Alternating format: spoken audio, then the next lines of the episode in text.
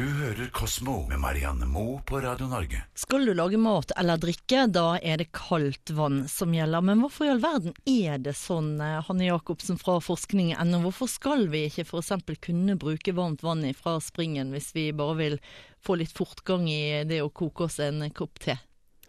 Det er jo pga. Eh, de gode gamle bakteriene. Og hvis du tenker på hvor vannet kommer fra, så er det sånn at det kalde vannet det kommer direkte fra renseanlegget eh, gjennom en kaldtvannsspring. Mens varmtvannet det har stått lagra en stund i en varmtvannsbereder. Og disse varmtvannsberederne de er ikke alltid at de er optimalt vedlikeholdt for å stoppe bakterievekst. Det kan være så varmt at det utvikles bakterier, men ikke varmt nok til at bakteriene drepes.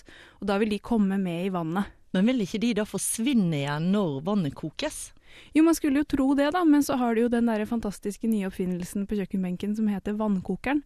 Og den bringer bare vannet til kokende punkt på et sånt kort øyeblikk, og så slår den seg av. Og du må faktisk koke vannet en god stund før en del av disse bakteriene dør. Så er det jo sånn at hvis du på en måte har skikkelig dårlig tid en dag, så er det ikke, du vil ikke garantert bli syk av å koke varmt vann. Men hvis hele befolkningen gjorde det, så ville ganske mange mennesker blitt syke med jevne mellomrom. Og hvis uh, du er i tvil om vannet ditt er helt uh, rent, så vil du indirekte da anbefale at man heller rett og slett koker tevannet på en uh, god gammeldags kjele på, på komfyren. Sett den på komfyren og la det koke en stund, sånn at du er helt garantert.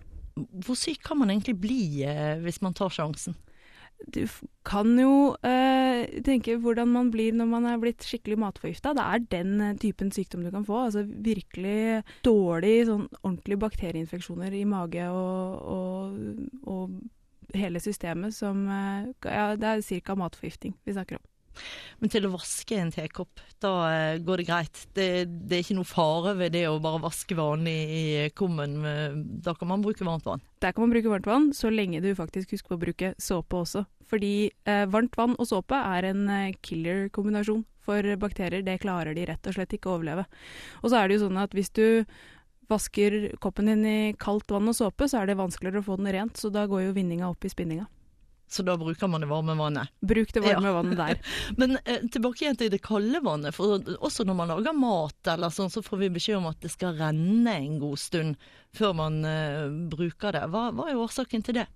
Derfor at det skal bli ordentlig kaldt, og at de ikke skal bruke det som har stått stille i springen veldig lenge. Da. For det kan jo ha blitt varma opp, særlig hvis du f.eks. av rør som ikke ligger så langt nede i bakken, så kan du ha hatt noe varmeutvikling, mens det kalde vannet som kommer fra lenger unna og lenger nede i bakken, vil være tryggere.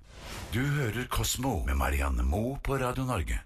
Når det gjelder eh, partnere og sex, er det sånn at kvinner først og fremst går etter penger og status, mens eh, menn er notoriske rundbrennere som aldri klarer å si nei til en ung og smukk kvinne, eller er dette her eh, bare myter?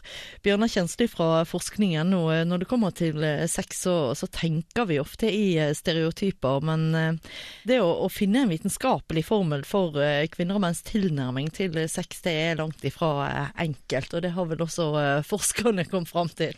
Det har de, og det pågår akkurat nå en ganske intens debatt mellom eh, to ulike team i eh, USA som eh, ser på dette her på veldig forskjellige måter. Da er det en forsker som har foretatt en sånn metastudie, altså som har sett på en hel haug med forskning på dette feltet, og kommer fram til at kjønnsforskjellene er mye mindre enn det man tror. Altså at uh, eh, f.eks. det at kvinner og menn er like interessert i tilfeldig sex, og at, uh, at, det at menn er interessert i mange flere sexpartnere enn kvinner, er en myte, og, og, og et par sånne ting. Så, så, det forskerteamet har kommet frem til at uh, mange av disse forskjellene er overdrevet, men, men det man ikke, kan man ikke bare si. For da er det andre forskere som kommer på banen og sier, legger beviser på bordet. Så her er det, her er det heftig krangel. Ja, For det er jo vitterlig stor eh, forskjell på, eh, på kjønnet, er det ikke det? Biologisk sett, når det kommer til eh, det å formere oss, så er det jo veldig stor forskjell. Der er det jo, er det jo sånn at øh, kvinnenes reproduksjonsalder er jo mye kortere enn det mennene mennenes er. Kvinner har bare et visst antall egg, så det å, å få barn altså, Ikke minst det at kvinnen må jo bære barnet når hun er gravid, så der er det veldig store forskjeller. Så man skulle jo tro at evolusjonen har gjort noe. Eh, men samtidig så er det sånn eh, det er veldig vanskelig å skille hva som er biologisk fra hva som er kulturelt. F.eks. dette med at menn er eh, mer pågående enn kvinner når man, når man skal treffe noen og ha sex med. Det kan jo like så godt være kulturelt som det kan være biologisk, f.eks. Mm. Hvordan har de gått frem for å, på å si, finne motsetningen til det som dette første teamet har, har kommet frem til? Altså det de først har gjort, er en sånn litteraturgjennomgang da, hvor de har gått gjennom en hel haug med studier på feltet. Eh, og så trekker de da frem noen studier da, som viser, eh, viser at forskjellene ikke er så store. Blant annet så trekker de frem en, eh, en speeddating-studie hvor man har prøvd å snu eh, snu på rollene, sånn at det er kvinnene som tar initiativet. Altså det er, det, det er menn som sitter på en rekke, og det er kvinner som skal gå og på en måte eh, sjekke de opp. Og da kommer man jo fram til det at, eh, at kvinner tar like mye initiativ, de, og de er heller ikke noe mer kresne enn det menn er, når man, når man på en måte snur eh, rollene på den måten. Så det kan jo tyde på at, eh, at eh, kjønnsforskjeller eh, når det kommer til dette her, er kulturelt betinga, og ikke noe som ligger i hjernen vår. Mange vil jo hevde at vi kvinner vi er ikke villige til å kaste bort eggene våre på, på hvem som helst. Altså, vi er litt mer eh, skeptiske. Eh, En mann trenger ikke tenke på akkurat det. Han må på en måte bare få spre seg, han. Ja, det er jo, det er, er jo en bred oppfatning, på en måte. Men samtidig så er det jo også et helt annerledes eh, sosialt stigma rundt en dame som ligger med mange menn. Eh, så det kan også spille inn. ikke sant? Så det, her, er det, her er det både kultur og, og biologi involvert. Ja, så, så det denne forskningen her sier, er at vi kvinner vi har like lyst på tilfeldig sex som det menn har. Det er det det ene forskningsteamet mener, men da kommer det andre forskningsteamet på banen og sier at nei, slik er det ikke, fordi evolusjonen har gjort oss til de vi er i dag. Ja, det, det er ikke enkelt dette her. Men når det gjelder menn, altså generelt så eh, er vel det lettere for en mann å takke ja eh, enn enn for kvinner. Det kan vi vel være enige om. Det, ja, kanskje det, men eh, da har også disse, det første teamet en slags forklaring på det, og, det, og forklaringen deres på det er det at, eh, at uh, i vestlig kultur så er det jo sånn at det som regel er menn som tar initiativ, Uh, og, nå, og når det da ikke er sånn at at det er en kvinne som tydelig tar initiativ, så så mener da de første forskerne at menn da tolker det som om at her er det en kvinne som er eh, dreven i senga, og det må man jo takke ja til. Så det ligger liksom mye mer mellom linjene her enn enn rett og slett de rene biologiske kjønnsforskjellene, mener de da. Kan vi egentlig bare konkludere med at det i hvert fall er store forskjeller i synet på hvor eh, like kjønn er? Det kan vi, og, og det er fortsatt ikke helt sikkert hva som er biologi og kultur.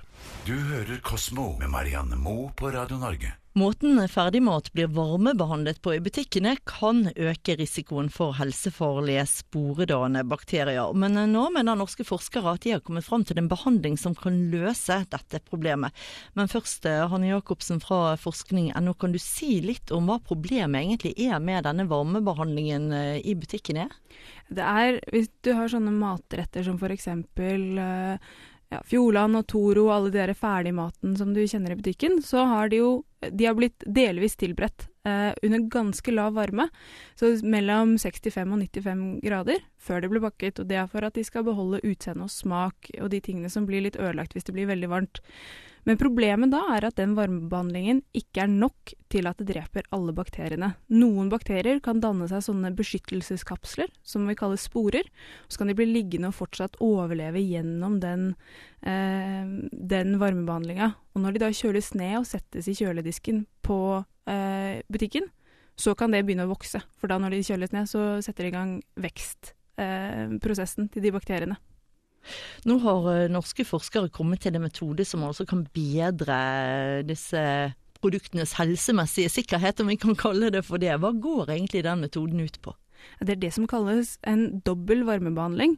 Så det går på at første delen av prosessen er helt lik. Da varmer du opp et stykke.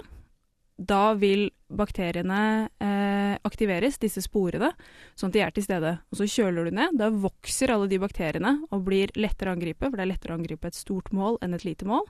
Og så varmebehandler du på nytt, men da helt opp mot liksom 100 grader. Det vil ta livet av de bakteriene som da allerede har spiret opp.